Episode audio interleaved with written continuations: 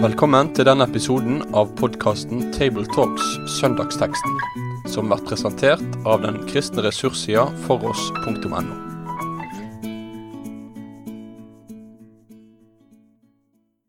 Hjertelig velkommen til en eh, ny episode av eh, Tabletalks. Det er podkasten der vi snakker om eh, søndagens tekst. Eh, Denne episoden så skal vi snakke om eh, påskedag, selveste påskedag. eh, Johannes 20 vers 1-10. Og det er jo en glede å få lov å snakke om den flotteste dagen i kirkeåret og, og største festdagen egentlig for, for oss kristne. Med meg til å snakke om denne teksten så har jeg Sverre Bø. Toril Slottsveen Asp. Og sjøl så er jeg altså da Knut Kåre Kirkholm. Eh, nå skal Toril få gleden av å lese denne flotte teksten fra Johannes 20, vers 1-10. Tidlig om morgenen den første dagen i uken, mens det ennå er mørkt, kommer Maria Magdalena til graven. Da ser hun at steinen foran graven er tatt bort. Hun løper av sted og kommer til Simon Peter og den andre disippelen, han som Jesus hadde kjær, og hun sier, De har tatt Herren bort fra graven, og vi vet ikke hvor de har lagt ham. Da dro Peter og den andre disippelen ut og kom til graven. De løp sammen, men den andre disippelen løp fortere enn Peter og kom først. Han bøyde seg fram og så linklærne ligge der, men gikk ikke inn i graven. Simon Peter kom nå etter, og han gikk inn. Han så linklærne som lå der, og tørkle som Jesus hadde hatt over hodet. Det lå ikke sammen med linklærne, men sammenrullet på et sted for seg selv. Da gikk den andre disippelen også inn, han som var kommet først til graven. Han så og trodde. Fram til da hadde de ikke forstått det Skriften sier, at han måtte stå opp fra de døde. Disiplene gikk så hjem.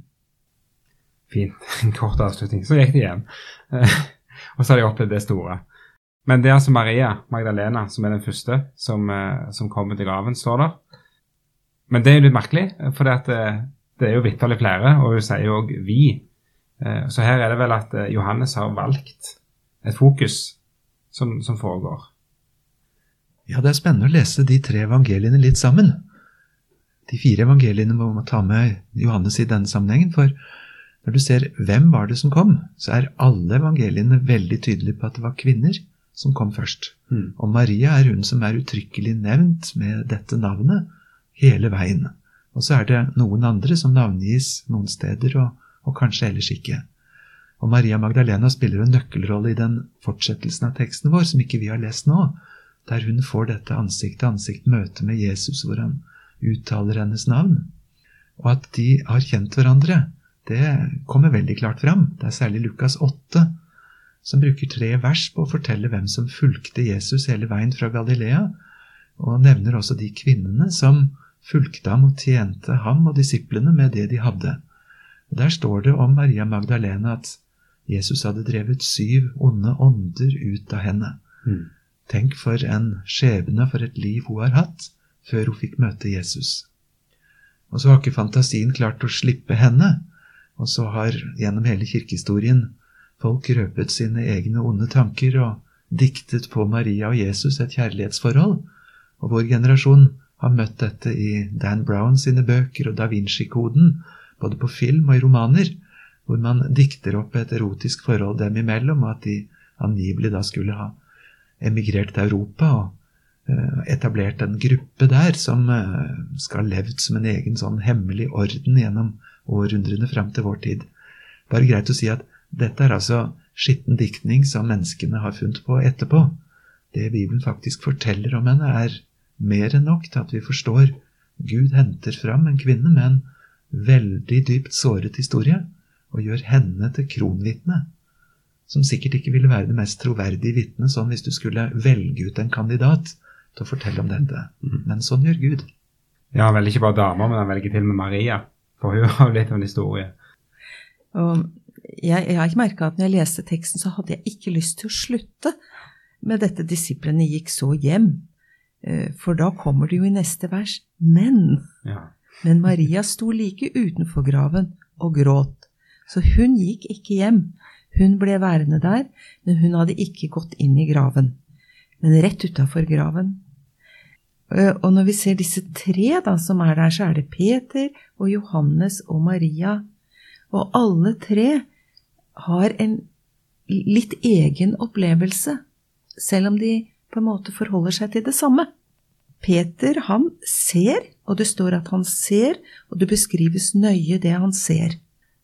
Hva som skjer i Peter når han ser, står det ikke noe om. Så er det Johannes, eller den disippel Jesus elsker, da. Han ser også, men der står det han så og trodde. Så det ser ut som det umiddelbart overvelda Johannes og skapte tro i hans hjerte. Og så er det den tredje, da. Men Maria sto og gråt. Og når Maria først hadde sett at steinen ble rulla vekk, så ser det ut som hun bare så det, og så fikk hun en tolkning om hva som var skjedd, og den satte seg fast.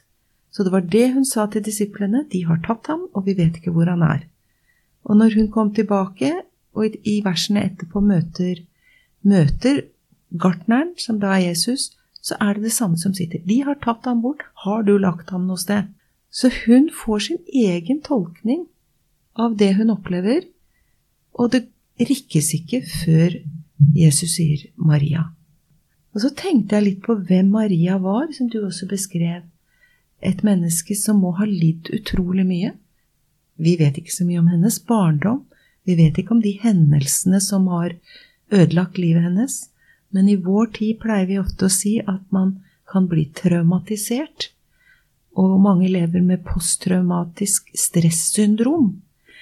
Og det som skjer når man er traumatisert, er jo ofte at det indre mørket blir så overveldende at man ikke klarer å åpne seg for godhet, åpne seg for håpet.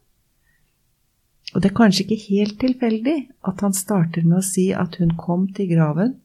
Denne kvinnen kom til graven mens det ennå er mørkt. Kanskje er det både et ytre mørke og også et indre mørke som hun hele sitt liv har hatt kontakt med, selv om Jesus har på en måte redda henne ut av det.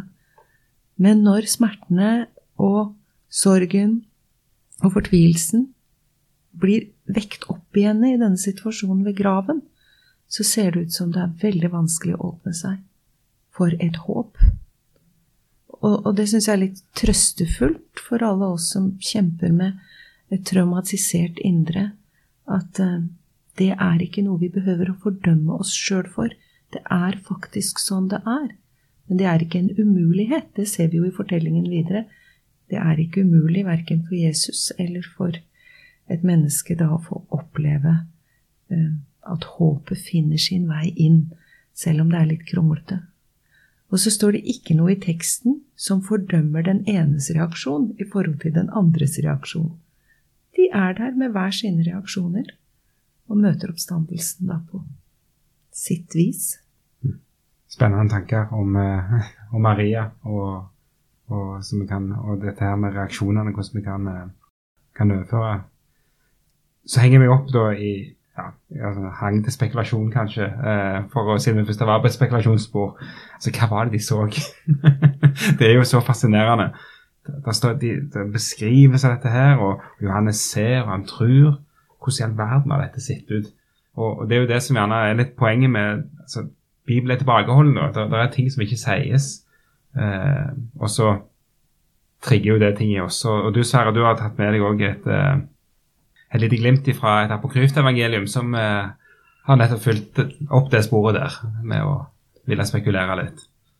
Ja, det var jo sånn at etter at Nytestamentet var skrevet, så spredde jo Jesushistorien seg, og det ble mange slags grupperinger, og også etter hvert sekter.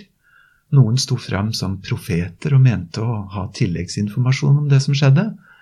Og gnostikerne, som ble en stor retning, de hadde sitt arsenale fra sin egen tanke. Og så har det vært reinspikka spekulasjoner. Vi har et Thomas-evangelium som er særmerkt på sitt vis. Så har vi et Thomas' barndomsevangelium, som også er fra før 200. Mm. som liksom fantaserer om hva kan en allmektig Jesus ha funnet på i sandkassa som treåring. Og hvordan har det gått når han begynte på skolen, og det var foreldremøter med Josef og Maria. Eh, Og det liksom selger seg som et sånt moderne se og hør fra antikken. Men ikke minst til selve oppstandelsen, for leser du påskeberetningen nøye, så er det ingen av evangeliene som forteller om helt hvordan skjedde det at Jesus sto opp. Så det tomrommet som Bibelen sikkert med vilje lar være å fylle, det står veldig rett ut i noe som heter Peters evangelie, og som også er såpass tidlig som fra før 200. Kanskje skal jeg lese disse versene fra Peters evangelie, hvordan noen kristne fem-seks generasjoner etterpå har fantasert om selve hendelsen. Ved daggry sabbatsmorgen kom en folkemengde fra Jerusalem og omlandet for å se den forseglede graven. Men på natten før søndagen grydde, og mens soldaten holdt vakt, to og to i hvert skift, kom det en veldig lyd fra himmelen.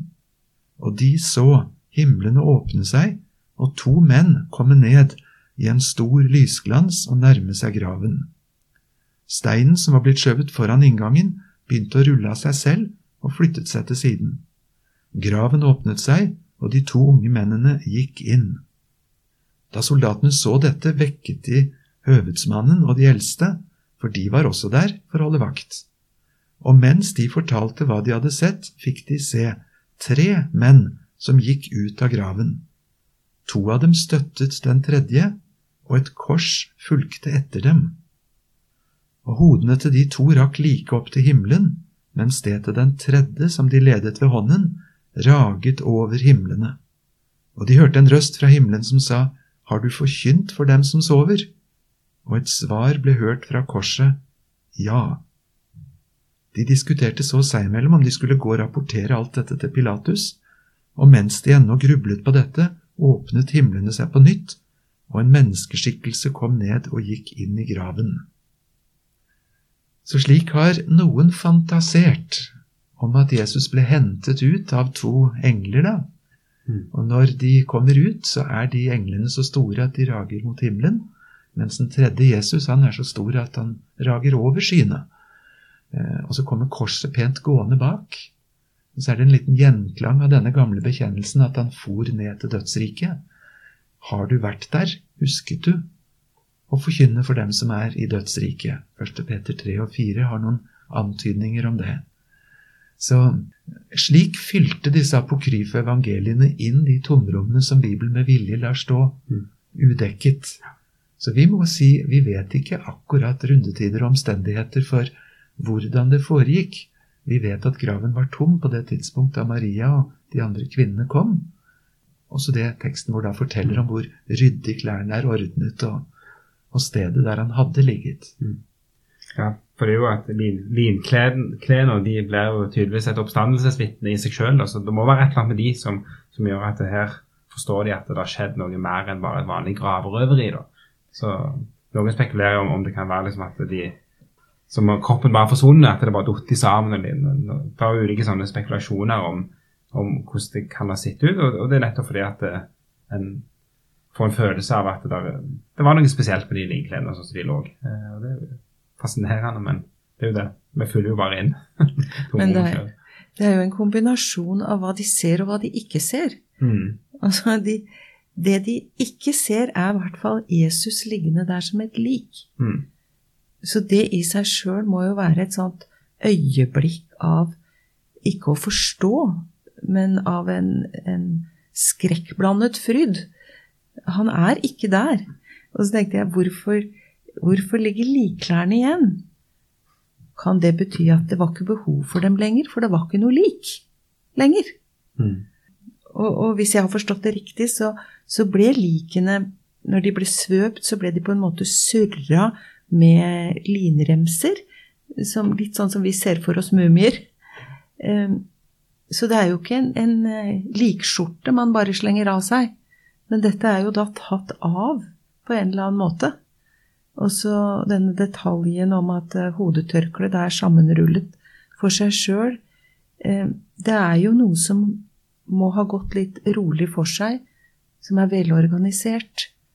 Det er ikke en tilfeldighet eller noe kjapt. Mm. Eh, Så jeg, så jeg tenker det åpner Måten linklærne ligger der på uten noe lik, det åpner i hvert fall for eh, For en eh, ja, ja, hva skal vi si? Det, det åpner dem i hvert fall. Det er ikke sikkert de fatter det der og da, men det åpner dem for at her har det skjedd et mysterium. Fram til da hadde de ikke forstått det Skriften sier, at han måtte stå opp fra de døde. Og så demrer det litt og litt, og Jesus trengte 40 dager på å vise seg på stadig nye steder, eh, før det liksom begynner å demre. Men fremdeles er de der hvor ti mann klarer ikke å overtale én om at Jesus er stått opp. Mm. Og så kommer ånden pinsedag, og da kan én mann stå fram og vitne for 3000 som lar seg døpe. Mm. Så Bibelen viser oss en prosess med nølende, feilende, svake, vantro mennesker, men Guds pedagogikk, hvor han møter sine feilende disipler. Og så, etter pinse, står de frimodige og sier det var jo umulig at døden skulle klare å holde på Jesus. Det går jo ikke. Svake døden klarer ikke å holde på noe så sterkt som Gud. Mm. Det er vår himmelens krefter. Og så vokser denne fantastiske tanken fram om at Jesu oppstandelse, det er førstegrøden, første smak. Og snart så er hele åkeren hvit. Ehm, og så skal vi, som Jesus, få stige ut av graven. Han er førstegrøden og pantet som viser hva som er på vei ifra Guds tanke. Mm. Men jeg tenker også det er, eh, de, de hadde jo en tillit til Jesus. Eh, De var jo disiplene, eller lærlingene hans. Eh, De hørte, og de prøvde å forstå, og de erfarte underveis. Og han har jo flere ganger sagt helt tydelig at dette skal skje. Lidelsen, døden, oppstandelsen. Og nå har de sett lidelsen og sett døden. Og likevel er oppstandelsen så hinsides hva de klarer å begripe. Så de står like tafatte sjøl om de har lært det. Jeg tenker Det er vel kanskje litt sånn også at vi lærer mye kristen eh, kunnskap. Vi vet på en måte hva han har sagt, men å fatte at dette er helt virkelig, det er liksom neste skritt. Og det kommer kanskje i sånne nærmest som aha-øyeblikk for oss noen ganger. At akkurat som dekket blir revet til side for øynene våre, og så ser vi dette vi har hørt så mye, og ser at Oi, er det sånn det er? Jeg tenker på Esekiel 37, hvor profeten får et syn av Israel som er nedkjempet og faktisk drept i krig, og ligger allerede som lik, som til og med er eh, skjendet, så det bare ligger skjelettrester overalt. Og så spør Gud profeten Esekiel, kan disse ben bli levende? De kan jo ikke det ut ifra noen som helst logikk. Og så viser Gud i synet at det faktisk er det som skjer. Så nullpunkt Mm. som disiplene er brakt til. Det bare går jo ikke an. Og når vi står ved en grav og vi har et hull to-tre meter ned i bakken, og vi senker de kjæreste vi har fått leve sammen med ned i det svarte hullet og graver igjen, skal derfra stige opp, altså legemets oppstandelse, det evige livs håp. Det er så absurd menneskelig sett. Men Jesus er førstegrøden. Han har åpnet veien, Mm. helliget graven og vist at Guds krefter er sterkere enn døden. Og eh, da, jeg, har, jeg har lest litt eh, noe som han skrev om, om eh, det her med at det skjer på den første dag i uka. At det, det er en sånn spennende kobling tilbake til skapelsesuka i, i det. At, at den første dagen i uka er jo dagen det ble lys, ikke sant? Og, og, og, og så er liksom dette her det er både, både den åttende dagen og den første dag, det, det er noe nytt som begynner her nå. Det, altså, det blir lys på nytt enda en gang i, i kosmos, i tilværelsen, eh, der Gud nå begynner for all, eller, Gjenopprettelsen og nyskapelsen er for alvor i gang, og førstegrøten, Jesus, er den som viser hvordan dette kommer til å se ut. Og hvis vi fullfører den spennende koblingen til skapelsesuka, så er det jo at han dør på fredagen, samme dag som mennesket blir skapt. Eh, hviler, ligger i grava på lørdagen, og så er det opp igjen på, på søndagen og den første dag i uka. Det er, det er sånn, og, og Johannes han, han har jo gjort litt av det i sitt evangelium. Han begynner jo i begynnelsen fra ordet, og så slutter han jammen meg vel òg med at nå er liksom er det nytt i gang. da. Jeg tror ikke det er tilfeldig at uh, Johannes slutter liksom en ring her med at Jesus og poengterer at det er første dag i uka at, at Jesus står opp igjen fra, fra graven. På den måten så er, er vårt kristne håp det er kropp og nyskapelse og, og, og, og ikke noe sånn svevende, svevende greier. Det, det, er skikkelig håndfast. Så viktig poeng. Men så blir det jo også veldig tydelig at det er snakk om tro og ikke eh, viten, i hvert fall i dette øyeblikket her, hvor de ikke har sett ham. Det går, og det er jo det han sier til Thomas senere. Salig er den som ikke ser og dog tror. Jeg syns det blir så tydelig at troen vår er noe annet enn eh, vår rasjonalitet, bevis og forklaringer. Fordi at de stopper et sted. Og der begynner troen, på en måte. Så du står, sånn som de står inne i graven her, så, så vet de ikke helt hva de ser. Men likevel er det så sterkt det de opplever, at i hvert fall for Johannes akkurat der og da, så er det troen som vekkes. Og vårt liv med Jesus er jo bygd på tro og ikke forstand. Mm. Og så er det likevel utrolig fint at det, det, skjer i vår verden. Det skjer i vår historie. Det er falsifiserbart, for å si det sånn. Altså det, det er òg tilgjengelig for, for det, det, det, som Bibelen hevder her, er ikke det, det er utsagn som, som, eh, er historiske. Og det, er utrolig viktig at vi, vi skal få lov til å tro noe som òg har skjedd. Det er en fantastisk fin uh, sak. Det, det, finner vi et spennende uttrykk for uh, når Paulus skal forsvare seg i en rettssak. Så kobler han troverdigheten til oppstandelsen. Mm. Og Jesus har virkelig stått opp. Dette vet du vel om? Vi er jo her i byen hvor dette skjedde. Det mm. er bevitnet. Et annet sted sier mer enn 500 vitner mm. kan fortelle om det. Og så sier Paulus det hele har jo ikke skjedd i en avkrok. Altså, det har skjedd i Jerusalem på et tidspunkt da byens befolkning var kanskje tidoblet pga. tilstrømmingen til å skulle feire påsken der. Ehm, så det er absolutt et spørsmål om tro. Men det er ikke et tro på noe som ikke er sant, eller noe som er bare absurd. Mm. Det er helt reelt, det som har skjedd. Men menneskene avviser det i vantro. Men i en avkrok har det ikke skjedd. Mm. Husk det. Mm.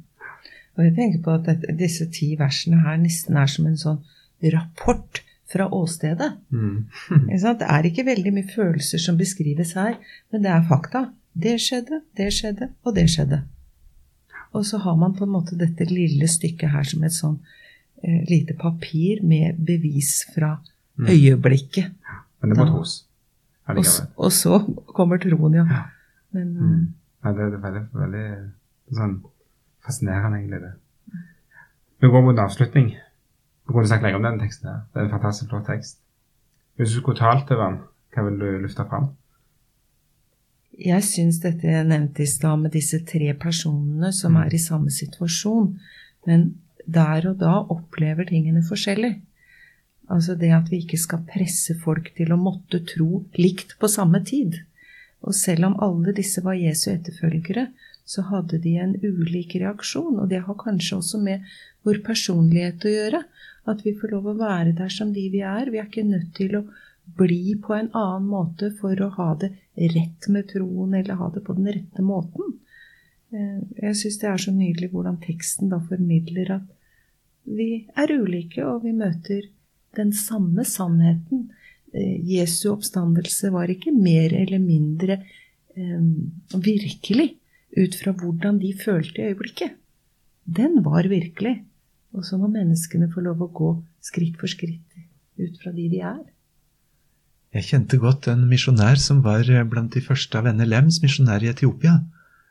Og av de mange spesielle møtene han hadde med etiopere, så var det en munk fra den gamle koptiske kirken som kunne alle ritualene på dette gamle utdødde språket som han selv heller ikke forsto helt.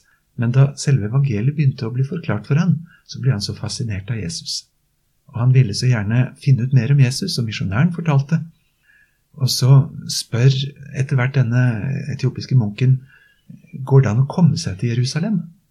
Han ville så gjerne til Jerusalem og finne denne graven, for han var så fascinert av Jesus. Ja da, sa misjonæren, det går an. Han har selv vært i Jerusalem og vært ved graven, så det går an å komme dit, selv om det var vanskelig økonomisk for denne munken å komme seg fri og få reist dit. Men, sa misjonæren, hvis det er Jesus du vil møte, så vet jeg ikke om jeg vil anbefale akkurat den reisen. Eh, hvis det er Jesus du vil møte, så kan vi ordne det her og nå. Eh, faktisk det eneste stedet i verden hvor det står at han er ikke her. Det er i graven i Jerusalem. Så det var ikke noe nødvendig sted. Og den fantastiske opplevelsen Jeg har fått møte Jesus. Jeg var ikke der Maria Magdalena var, men jeg er der hvor jeg ikke misunner noen av disse. De første inntrykkene, for jeg har summen av alle disse vitnene som levde og døde på den overbevisning. Han lever. Han er herre over dødens makt. Han er førstegrøden. Han åpner veien. På den årstida så finner vi av og til den første liljekonvallen, eller den første hvitveisen. Og Det er mange unger som har kommet inn og sier 'Mamma, se hva jeg har funnet', den første hvitveisen. Og så vet vi voksne at når du har funnet den første hvitveisen, så er det like før hele lia er hvit av hvitveis. Jesus er førstegrønnen. Mm. Det er ikke lenge om å gjøre, så er det vi som får lov til å fylle hele åsen av dem som Herren skal reise opp igjen. Så underveis så kan det se svart ut mens det enda var mørkt. Mm. Så får vi møte Han som er herre over dødens makt. Mm. Og det kan jo være en siste sak, altså at eh, påskedag er fest. Eh, og jeg har ofte tenkt, reflektert over det i mange av de sammenhengene jeg sjøl går i, at eh, jeg sa det vi er dårlige til å feire påskedag. det er en dag hvor ikke vi skal fjolle og tulle, men det skal være en høytidelig, men, men da kan vi virkelig Det er en fantastisk dag. og og eh, vi kristne må ta påsken tilbake igjen. Det er en sånn en slagord som jeg vil også legge inn over alle som skal, som skal, skal tale og, og ha møter rundt, rundt påsken. Altså, ta påsken tilbake igjen. Den er vår. Det er ikke krim og hytte, og det er fest. Det er Jesu oppstandelse vi skal feire. På foross.no ligger det ellers en skriftlig gjennomgang av teksten og en preken over den som er mulig å høre på. Eh, og ellers en rekke ressurser knytta til påske og påskedag som òg kan være nyttige. Med det så ønsker vi dere en god påske. Eh, feir eh, oppstandelsen. Og Guds velsignelse over dere alle. Med det sier vi takk for følget for denne gang. Finn flere ressurser, og vær gjerne med å støtte oss på foross.no.